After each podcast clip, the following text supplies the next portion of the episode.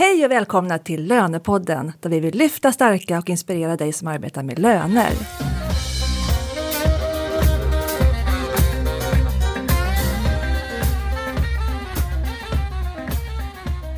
Jag heter Katarina Sand och jag arbetar på rekryteringsbyrån WISE Professionals eh, som rekryterar lönekompetens och hyr ut lönekonsulter. Lönepodden gör vi i samarbete med SRF-konsulterna och Knowit HRM. Temat för idag är arbetsgivardeklarationen på individnivå. Ett tema som vi faktiskt hade i vårt första avsnitt av Lönepodden den 25 januari. Idag tänkte vi att vi skulle följa upp hur gick det nu för de här 5600 arbetsgivarna eh, som har personalliggare? Hur gick det för dem som gick på de här nya rutinerna den 1 juli? Och sen tänkte vi försöka reda ut några frågeställningar inför att eh, alla andra börjar med de här rutinerna den 1 januari 2019. Min bisittare idag är Senny Sjölund, branschansvarig för lön på SRF-konsulterna. Välkommen! Tackar, tackar! Och vi har bjudit in två gäster. Jerusalem Vassyhun som jobbar med lön på Stureplansgruppen i Stockholm. Mm. Välkommen! Tack! Och Helena Jangel Strid på Skatteverket som är expert på just de här frågorna kring arbetsgivardeklarationen på individnivå. Välkommen! Tackar! Jag tänkte att jag, jag, tror att många redan vet vad det här innebär, men ändå för sakens skull, för våra nya lyssnare. Helena, kan du bara kortfattat berätta vad är det, det här handlar om? Vad innebär det? Arbetsgivardeklaration på individnivå det innebär att eh, eh på ersättningar och förmåner som man eh, har eh, gjort skatteavdrag på eller ska betala arbetsgivaravgifter på. Så ska man redovisa det i arbetsgivardeklarationen varje månad istället på, per person. Eh, och då eh, så redovisar man det alltså inte på en kontrolluppgift en gång om året utan varje månad i samband med att man lämnar arbetsgivardeklarationen. Just det. Hur känns det nu efter sommarens första, det här gänget nu som gick på? Hur, hur har det gått?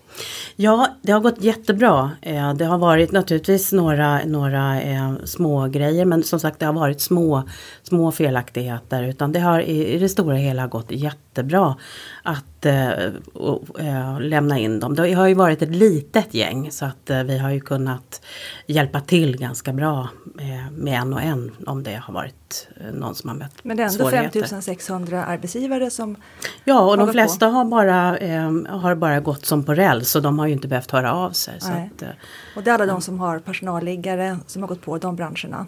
De som hade personalliggare och och eh, mer än eller 16 anställda eller fler. Mm. Så att det är inte de riktigt små företagen. Just det. Och en arbetsgivare som har gått på då det är då Stureplansgruppen där du i Jerusalem arbetar. Mm. Och du jobbar ju ensam med löner på Stureplansgrupper. Ja. För 30 bolag. Ja, du var, så du var en av pionjärerna. Ja, Berätta. Stämmer. Vi vill veta, hur, hur gick det för er? Um, vi började ju ganska tidigt. Um, och prata med våran eh, löne systemleverantör som var Caspeco. Eh, de var på direkt och jobbade fram eh, filen så att vi kunde ju pröva den eh, och läsa in innan ens det startade. Så att för oss gick det bra. Så vi hade ju alla frågetecken lösta med Skatteverket under sommaren där. När det inte var så många på supporten. Så för oss har det gått ja, bra. Mm, vad skönt. ja. Har du förändrat någonting i dina lönerutiner? Har du... Eh, det har ändrat rutiner både på löneavdelningen och på ekonomi. Eh, där är ju liksom strikt att vi kollar extremt noga att både eh, arbetsgivaravgiften är rätt och avrundningarna och avstämningen Eh, på individnivå. Och sen är det att eh, de rapporterar in så sent som möjligt. Eller liksom betalar in skatten så sent som möjligt. Så att vi inte behöver kräva tillbaka hela bruttolönen på någon som har fått fel lön. Stureplansgruppen, vilken typ av anställda har ni? Om man... Eh, vi har ju restaurang, eh, nattklubb, hotell. Så det är HRF, Visita och eh, Unionen. Eh, vi har inte så jättemånga tjänstemän förutom då på administrativa på huvudkontoret. Resten är ju ja, de flesta är kollektivare, så arbetare. Så det innebär att mm. ni har haft ganska mycket personal, ni har en ganska hög personalomsättning kanske också jämfört med andra branscher eller? Eh, I somras hade vi det så att vi har ju några mm, bolag som vi startade med i första juli eh, som vi inte har några löner på nu. Eh, då hade vi ju ganska många som var uteserveringar, sommarverksamhet. Alla de fick vi ju starta med trots att de skulle bara ha säsonglön i två månader. Så att det har ju gjort att vi fick mer arbete det här året än vanligt. Mm. Men berätta mer om, om era förberedelser. Eh, aktivt jobbade vi med ganska snabbt med systemleverantören. Eh, så att, och när du säger snabbt, när i tiden var det ungefär innan? Där? Eh, redan i maj, eh, april-maj bokade vi upp så att de fick liksom, vis, komma till oss. Eh, så vi kunde ge, gå igenom filen. Eftersom vi har ganska många bolag eh, och alla skulle ju på semester. Mm, det var ju liksom fel tajmat för om man tänker semesterperioden. Mm. Eh, så att vi ville ju ha det klart och mm. se vad, vad vi skulle kunna ändra på. Och sen hade vi ganska mycket diskussion mellan lön och ekonomi. Eh, det är de som läser in filen, det är de som betalar in. Eh, att det inte summerar ihop att man, det man ska betala in. Alla de detaljerna. Eh, OCR-numret kommer inte med när man skriver ut. Det skulle ju vara stor problem om om man fick reda på det ganska sent när alla kom tillbaka till, från semestern och skulle läsa in första filen. Så att vi började ganska tidigt så vi var ju nästan klara med alla detaljer två, tre månader innan. Hur informerade ni era medarbetare och, och cheferna kring vikten av att rapportera in rätt? Um, vi har ju haft krav på våra driftansvariga ehm, uh, under, under lång tid att det ska rapporteras in rätt. Uh, vi försöker justera så få löner som möjligt innan ens vi började med det här. Så att det enda vi behövde informera dem om det var ju bara att det är ny lag nu och de kommer ju behöva betala tillbaka hela bruttolönen. Och vi vet ju arbetare som jobbar säsong eh, kanske får fel lön och det är ju många studenter. Eh, de kommer inte ha råd att betala tillbaka skatten. Eh, så att då får ju driftansvariga lite jobbigt. Så mm. att eh, vi har informerat dem att det är jätteviktigt att de ser till att alla får rätt lön i rätt mm. tid. Och det har fungerat också? Det har fungerat, ja. absolut. Vi har inte haft sådana incidenser ännu. Varför väljer Skatteverket då? Eller är det ni som har valt att gå igång första juli? Nej men det är ju inte Skatteverket som har valt det utan det är ju vår eh, riksdag och regering som som gav det förslaget utan eh, i början skulle det gå igång 1 januari 2018 men det insåg man ju ganska tidigt att det skulle man inte hinna med med hela lagprocessen och sådär utan eh, och då valde man att skjuta eh, till 1 januari 2019 men då inte alla, inte de här branscherna med personalliggare, man ville inte vänta med dem helt enkelt. Så, så det var faktiskt inte vår idé. Och det här med personalliggare kanske man ska förtydliga att det var de som hade personalliggare när beslutet togs. För det finns ju de som har kommit igång senare med personalliggare men de omfattas inte, eller hur? Nej precis, utan det är de här eh, branscherna bygg, restaurang, frisör och tvätteri mm. som berördes nu i mm. början. Mm. Om man nu lyssnar på det här och tror att man har missat. Ja precis, då har man inte gjort det om man är i en annan bransch. Det jag har förstått när jag har pratat med, med de som arbetar med löner det är att det finns en hel del rädslor ändå hos löneavdelningarna nu inför att de ska gå på här den första januari. Mm. Det handlar om de här förmånerna, hur man ska hantera dem, rättelser, det stora röda skynket, bilförmånen, avrundningar. Det finns en hel del knepiga frågeställningar. Mm. Det finns det ju kvar hos oss också fortfarande. Ja. Vad, vad är det som är svårast liksom, att hantera? Jag tror det största det är ju att inget negativt får ju läsas in. Eh, och sen är det ju att vi har ju ganska många som har samordningsnummer i restaurangbranschen. Som måste ju ha en adress registrerat för att kunna läsa in filen överhuvudtaget. Eh, nu måste vi ställa den kraven på eh, de anställda. Och det är ju egentligen, det blir ju, det är ju redan liksom brist på restaurangpersonal. Eh, ska vi ha det kravet också så kommer det bli ännu svårare för våran bransch. Men det får man ta. Men det är ju mer justera förmåner som inte kommer gå om det inte finns eh, annat att, att justera mot. Mm. Eh, och sen löneskulder. Alla som har innevående månadslön kommer kanske ha de problemen. Men vi har släpande så att vi har ju lite, liksom, vi kommer förbi det problemet i alla fall. Tycker du att, att ni fick tillräcklig information ifrån Skatteverket och, och kanske andra aktörer inför den här, den här stora förändringen? Um, där måste jag tvärsvara nej. Uh, uh, hela informationen kom ju väldigt tidigt. Uh, redan i början av 2018, typ i januari. när vi hade bokslut och allt det där. Så, eh, ingen förstod ju vad det var, vem som skulle göra vad. Så att, men eftersom vi har 30-40 bolag i, i Stureplansgruppen så fick vi ungefär 40 brev från Skatteverket. Då tänkte vi det här måste vi ta tag i för att det kommer gälla eh, nästan all, alla. Eh, och då började vi liksom eh, samla ihop oss, både ekonomi och eh, HR och lön och sätta oss och planera. Hur ska vi göra? Var, var börjar vi? Eh, jag har jobbat med lön drygt 11 år nu och har förstått eh, när nya lagändring händer så, så måste man ta tag i det själv ganska fort. Eh, även om man inte får någon information. Det kan vara ju brist på information hos Skatteverket redan. Eh, så att ja, ring systemleverantören, ta reda på vad de vet. Eh, ring eh, gamla kollegor, andra avdelningen och fråga har ni börjat? Hur, hur ser ni på det här? Så att det blir egentligen att man måste ta ansvar mm. och när man får det, det första ett, brevet. Ett researcharbete för ja, det där. men precis. Ja. Vad säger du om det Helena på Skatteverket? Ja men det är ju ändå glädjande, du fick ju brev från Skatteverket. Så ja. det var ju det som gjorde att ni började. Mm. Ja. så, att, så, att, så vi försöker ju höra av oss till, vi har ju skickat ut brev faktiskt både digitalt och allt till alla 400 000 registrerade arbetsgivare. Eh, och sen har vi ju också försökt jobba mycket med eh, där arbetsgivarna är för att alla är ju inte på skatteverket.se hela tiden utan eh, hos systemleverantörerna, eh, hos branschorganisationer och vi har varit på mässor och sådär för att försökt hitta alla företagare, vilket är en utmaning naturligtvis. Men, Så vi har ju försökt att jobba i de kanaler vi kan för att hitta dem. Så att, eh, och, men vi vet också att det är, finns företagare som vi inte eh, når, som inte är på de här arenorna vi har försökt besöka. Att, men vi, vi skickar ut ett till papper nu då, hoppas att folk läser igen nu i, inför det här. Så att eh, vi, vi eh, hoppas ju att vi ska nå alla i alla fall.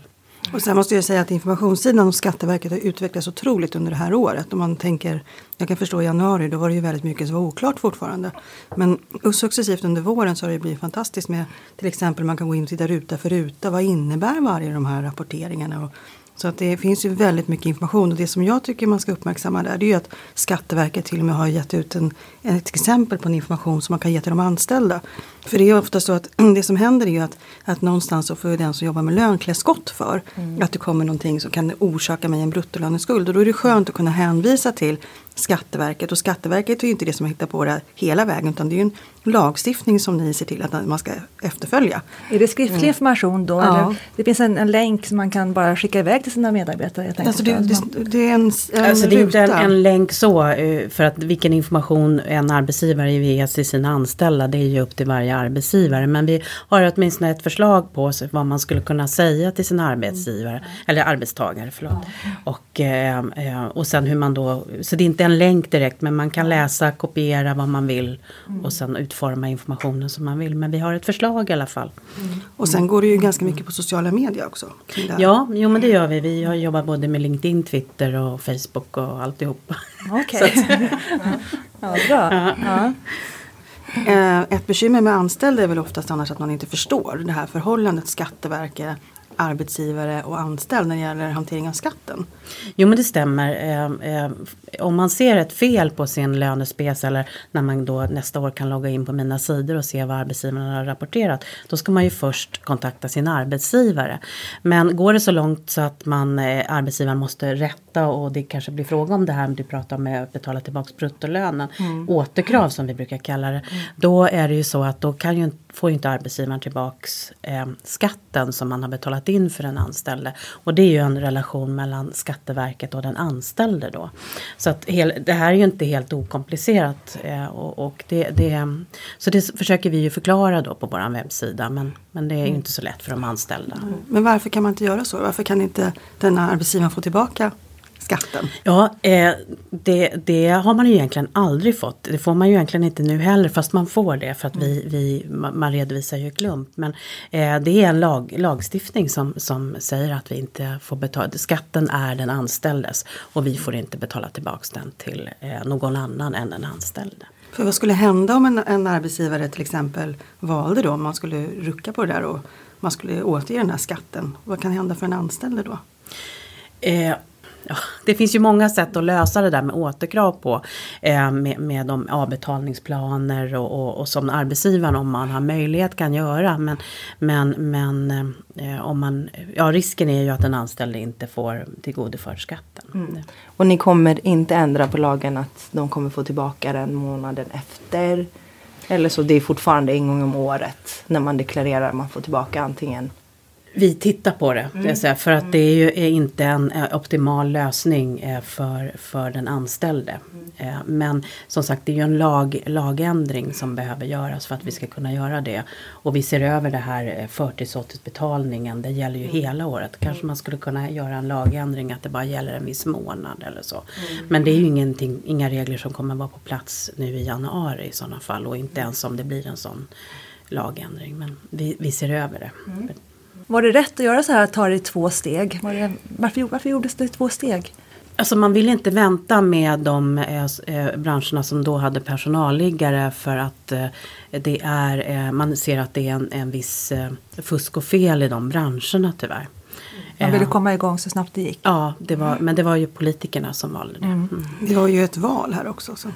Ja, det har inte varit ett, ett okomplicerat år för någon. Det Nej. började ju lite med GDPR mm. och sen, sen hade vi ju, var det ju valår också. Mm. Men kommer ni eh, ha ett eh, avdelning som jobbar bara med de här frågorna?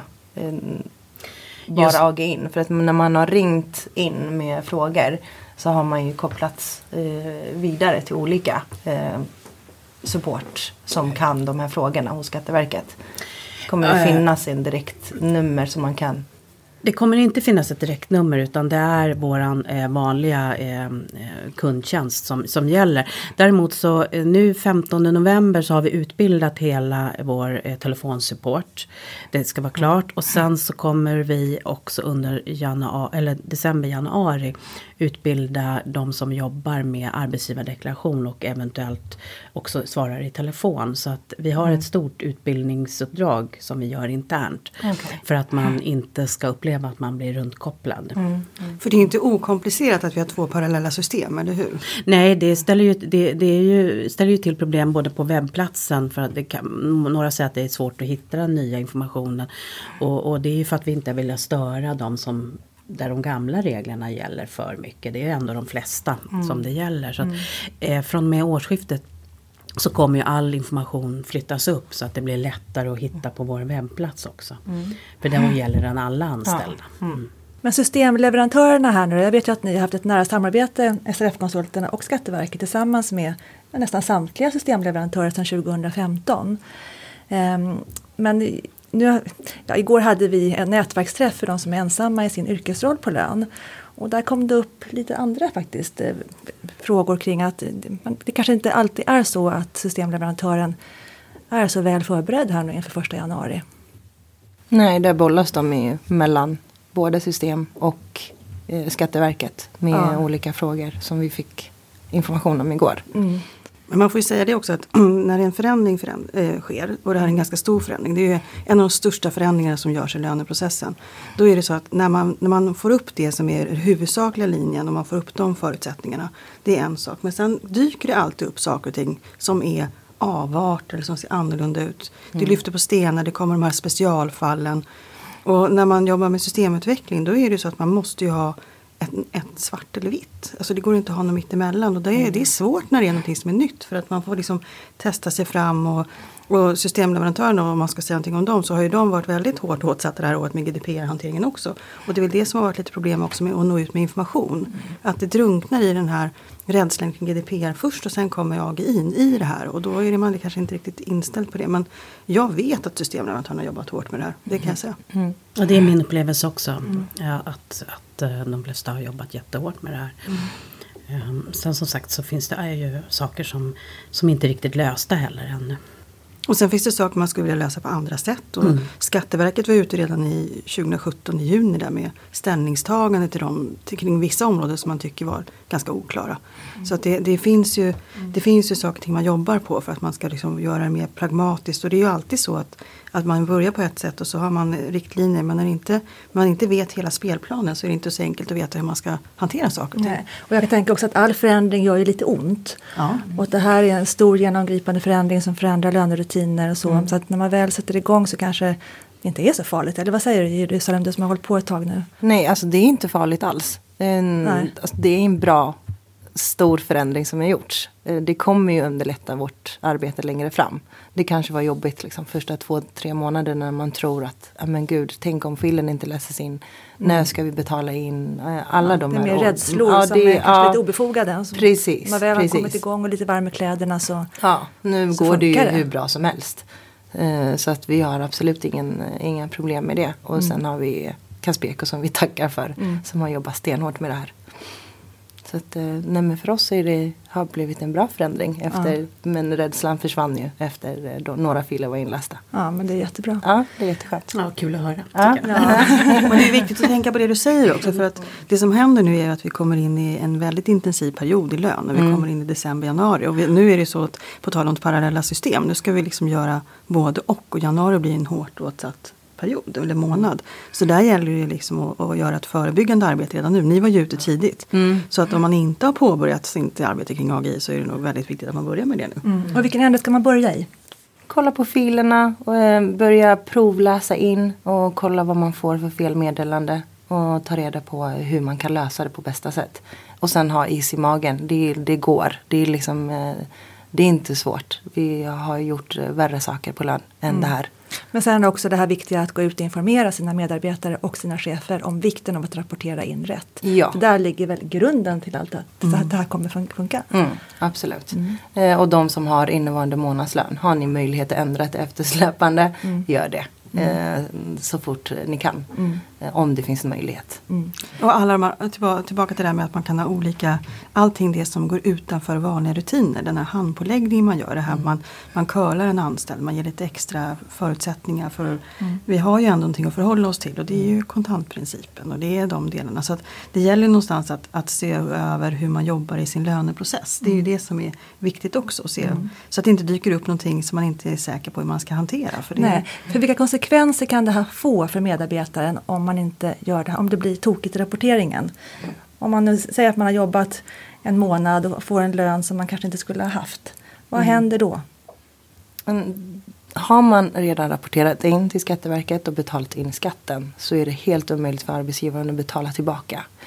Ehm, så att, liksom, eller få in betala tillbaka skatten till den anställda. Så att den anställde måste ju betala tillbaka. Om vi säger så här, eh, den har 30 000 i lön eh, och 10 000 i skatt säger vi. Eh, och får ut 20 000 i netto. Och då ska den arbetstagaren betala tillbaka hela 30 till oss. Och väntar in 10 000 från Skatteverket när året är slut. Och det kan vara svårt för eh, många att betala tillbaka. Och det är det värsta scenariot. Man har ju också, man ska ju tänka på att man har en möjlighet som, det är väl det stenleverantörerna också jobbar med, det här hur man ska kunna göra en rättelse innan man har stängt liksom, perioden, redovisningsperioden som man pratar om. För det är också en sån sak att om, ju tidigare man upptäcker fel desto lättare är det att man inte får en anställd i den situationen. För att om man till exempel tittar på Skatteverkets ställningstagande kring rättelse så ser man ju hur pragmatiskt man ändå försöker se till att man ska kunna applicera de här regel, det här regelverket. Så att det, det gäller ju att se över, man skulle ju till exempel kunna göra olika scenarier för sig själv i sin organisation. Vad är typfallet som gör att vi får, en, att vi får ett, ett fall där vi har någon som har fått ut en lön för mycket? Kan vi någonstans få bort eh, varför det uppkommer? Och sen har man olika steg och aktivitetsplaner. Vad händer i det läget att vi upptäcker det här? I vilket stadie upptäcker vi den här? Och vi får inte glömma bort att en anställd har ju också en skyldighet i att någonstans se över vad man har för, vad man får för lön. Vi kan inte hävda god tro jämt. Utan det, det liksom handlar om att påvisa att vi, det här gör vi tillsammans. Alltså det, den anställde har ett intresse av att min lön är korrekt. Och, och, den, och, och den som jobbar med lön har också ett intresse av att inte behöva jobba med rättelser. Så att det finns ett gemensamt incitament till att man styr upp den här hanteringen. Mm, verkligen. Mm, det är de, en av rutinerna vi har ändrat på också. Så att vi, läs, vi läser inte in och betalar in förrän näst sista dagen eller två, tre dagar innan. Och sen skickar vi ut lönespecifikationerna, laddar upp lönespecifikationerna väldigt tidigt. Så att vi får plocka upp liksom, eh, information från de anställda. Mm, så att ni har lite marginal där. Ja, precis. Mm. Du samarbetar ju väldigt bra med din eh, ekonomiavdelning. Ja.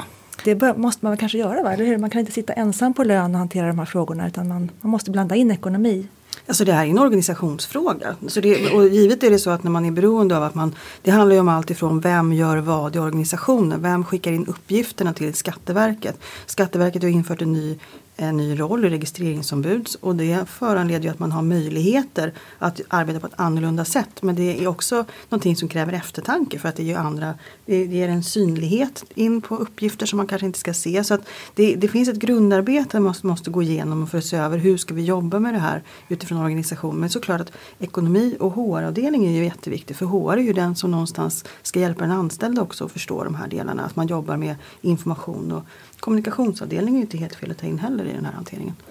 Vinsterna då som vi ser med detta, Senni, vad, vad, ser du framåt för lön? Att det här, hur kommer det här underlätta? Alltså jag tycker ju som har varit inne på det att det här är ju någonting som är väldigt positivt och vi kommer ju få en mer kvalitetssäkrad löneprocess. Det är jag helt övertygad om och vi får rätt från början. Men det här är ju en början på en otroligt häftig resa i hur man faktiskt ska kunna återanvända information på ett annat sätt. Underlätta för löneavdelningarna i att man får bort tung administration och att man har ett annat utbyte när Skatteverket ger möjlighet att hämta uppgifter via öppna API till exempel med tekniken så går informationen snabbare och det innebär ju att man kan sitta i sitt lönesystem i princip och skicka in uppgifterna på samma sätt som man kan göra med CSR idag. Då. Eh, men också då att man kan delge information mellan myndigheter som gör att, att Kronofogden till exempel och Försäkringskassan har ju möjligheter att inf hämta information. Och det finns ju lagförslag och utredningar som visar på att det här är liksom första steget till att vi faktiskt ser, ut, ser över hur vi får ut vår föräldraförsäkring. Mm. om man ersätter SGI med EGI och, och alltså ersättningsgrundande inkomst. Eh, där man hämtar de reella datan istället för uppskattad data så är det här någonting som, som möjliggör. Och jag tror att när det blir en månadsbasis av, av rapporteringen till Skatteverket då kommer också andra rapportörer förmodligen att ta, ta efter. Men sen ställer det också krav på att vi måste se över, som du pratar om det här med hur ser det egentligen regelverket ut för hur du får lön. Så på sikt vet vi ju inte. Det kanske är så att vi går ju kanske mot resultatlön till exempel.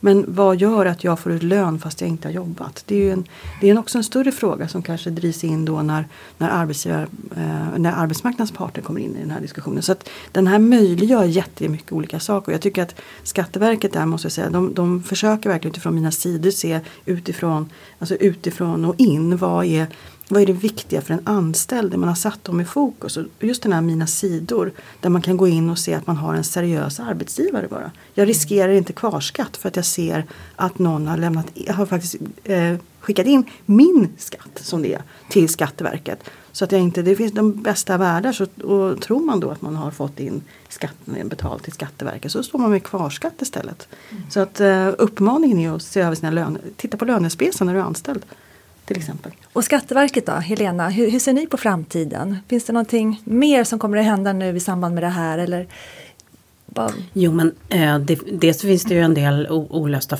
frågor som vi inte har löst. Men sen ser vi ju stora möjligheter att jobba vidare med det här öppna API till exempel. Eh, det finns ju mycket ut, kvar att utveckla där. Sen så eh, just på de här mina sidor för de anställda där ser vi ju att man kanske skulle kunna koppla på en skatteuträkning, en, en direktlänk till jämkning, alltså att man kan eh, förändra sin skatt. Eh, och eh, vi hoppas ju också på de här lag, lagförändringarna så att de uppgifter vi faktiskt tar in kan användas av andra myndigheter på ett bättre sätt.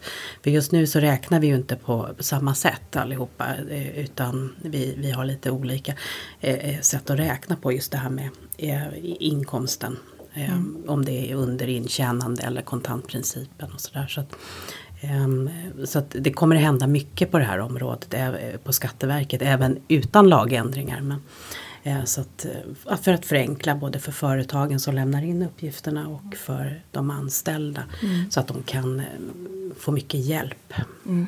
Man har ju en bild av att Skatteverket är så stort, så stor, en stor organisation. Men hur många är ni som arbetar med just de här? Vi är en stor organisation. Jo, det, vi ja, är i runda många... slängar 10 000 personer. Ja, men hur många är ni då som jobbar med just den här frågan? Den här, då är vi 70-80 stycken. Ja, okay. sen, så, sen så jobbar, nu när det börjar närma sig så jobbar ju hela eh, Skatteverket med den här frågan. För att nu är det ju, gäller det ju betalningsmottagarna naturligtvis. Eh, och eh, vi har hela vår kund, kundtjänst, skatteupplysningen. Så nu är det vi snart, snart alla 10 000 som jobbar med det. Men till att börja med var vi ungefär 80 stycken. Mm. Har ni några andra medskick till våra lyssnare som eh, kan vara till nytta nu inför att de går på här nu 1 januari? Nej, det är ju väl att det här oromånaden, den är, kan vara lite jobbig. Men det kommer gå. Så var ha liksom ja. självförtroendet kvar. Januari kommer vara lite tuff och sen i februari, mars så kommer det att lätta. Ja, ja mm. det kommer det göra. Ja. Eller kanske lite längre fram i vår och vi ska vara realistiska. Ja, för alla. Okay. Ja. För att det, det, är ju en omställning och det kommer, mm. det, det kommer ju visa sig vartefter när det, att det är mm. saker och ting som inte är genomtänkta kanske som blir en konsekvens. Mm. Så att det, och har inte systemleverantören liksom löst det mm. så är det inte den som sitter med lönen som ska sitta eller ha, inte kunna sova om nätterna. Eh, det går inte att lösa över en natt. Eh, ge dem tid tills eh, de löser det. Mm. Så att man inte liksom går, får det sitt eget fel mm. eller att man inte har löst det själv. Mm. Det är helt omöjligt. Men när man kommer då sitter på den avdelning och så upplever man att, eller man, man ser att det blir de här felen. Mm. Eh, och man hittar inte svar på sina frågor. Var ska man gå då någonstans? Ska man söka på Skatteverkets hemsida, ringa er eller ska man gå till systemleverantören eller vad ska man så göra? Det beror lite på vad det är för fråga men mm. skattefrågor svarar Skatteverket på ja. så då tycker jag inte man ska kontakta sin eh, programvaruleverantör i första hand. Mm. Även om de också är väldigt duktiga på sådana frågor så, mm. så är det bättre att gå till källan och mm. vi laddar ju upp inför december, januari, februari med utökad vi, vi är, laddar upp med massa fler som svarar i telefon och svarar på mejlfrågor.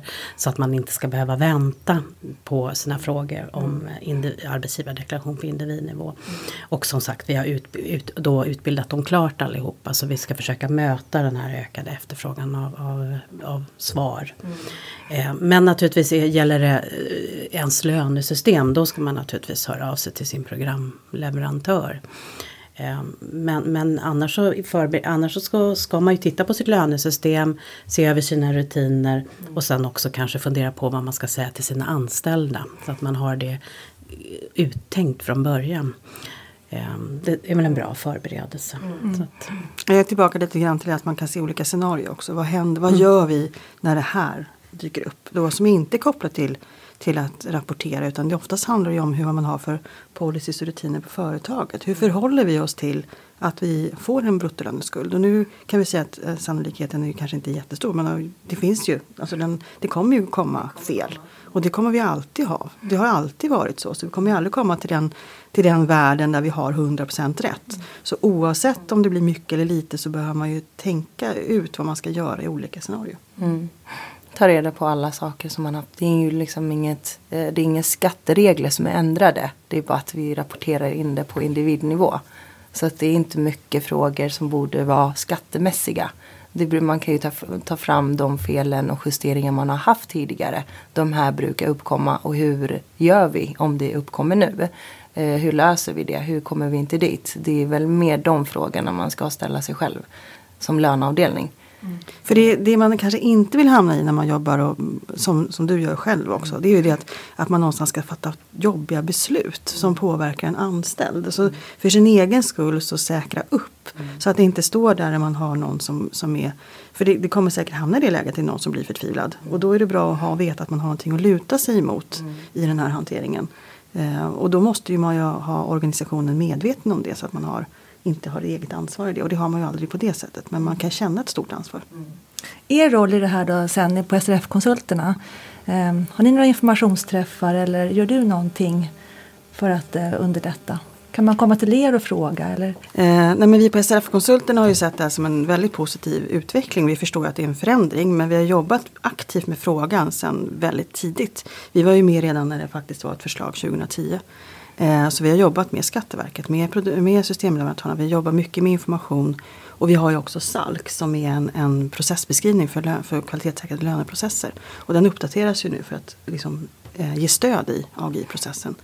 Eh, och, så att man är ju välkommen till oss också om det är så att man har frågor kring själva processhanteringen runt omkring.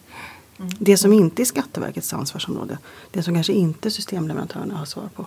Och då, sen skulle jag också vilja att man eh, tänker på vilket nätverk man har kring sig. För det tycker jag var så härligt när du började med att säga Rusfram att ja, men man ska se över vilka har man i sin närhet som kan hjälpa till. Mm. Det finns ju de som har gjort det här som är fantastiska på att eh, liksom delge sina erfarenheter. Mm. Eh, stora byggföretag som, som är, verkligen är generösa med information och som hjälper till. Mm. Och det är det som är så härligt när sådana som du går i mm. bräschen och hjälper till. Och hjälper, för det man gör är att man hjälper andra som ska in i det. Mm. Och det tycker jag är fantastiskt att man, att man är så generös. Mm. Tycker jag att man ska vara. Det blev en jättebra avslutning på det här avsnittet och på det här året faktiskt. För det här är årets sista avsnitt av Lönepodden den 25 november. Vi tar en paus 25 december och är tillbaka igen med nya spännande samtalsämnen i vår. Så att, eh, håll utkik efter 25 januari får vi säga då. Vi tackar så mycket och eh, vi tackar Jerusalem, Helena och Senni och vi tackar vår härliga producent Henke på Helst Kommunikation för ett bra jobb det här året. Och, då och bra stöttning. Jag, och då måste jag flika in här, jag tycker vi ska tacka Katarina också som har gjort ett fantastiskt första år med Lönepodden. Mm. Eh, vilken succé! Ja, eh, och du gör det fantastiskt och det är så ja. roligt att jobba med det. Mm. Tack! Och nu är vi i början av november och vi har nästan 19 000 lyssningar. Mm på våra samtliga program här under året. Så att eh, wow! Ja, ja, härligt! Ja. Tack så mycket hörni! Vi hörs och ses igen. Hej då! Hej.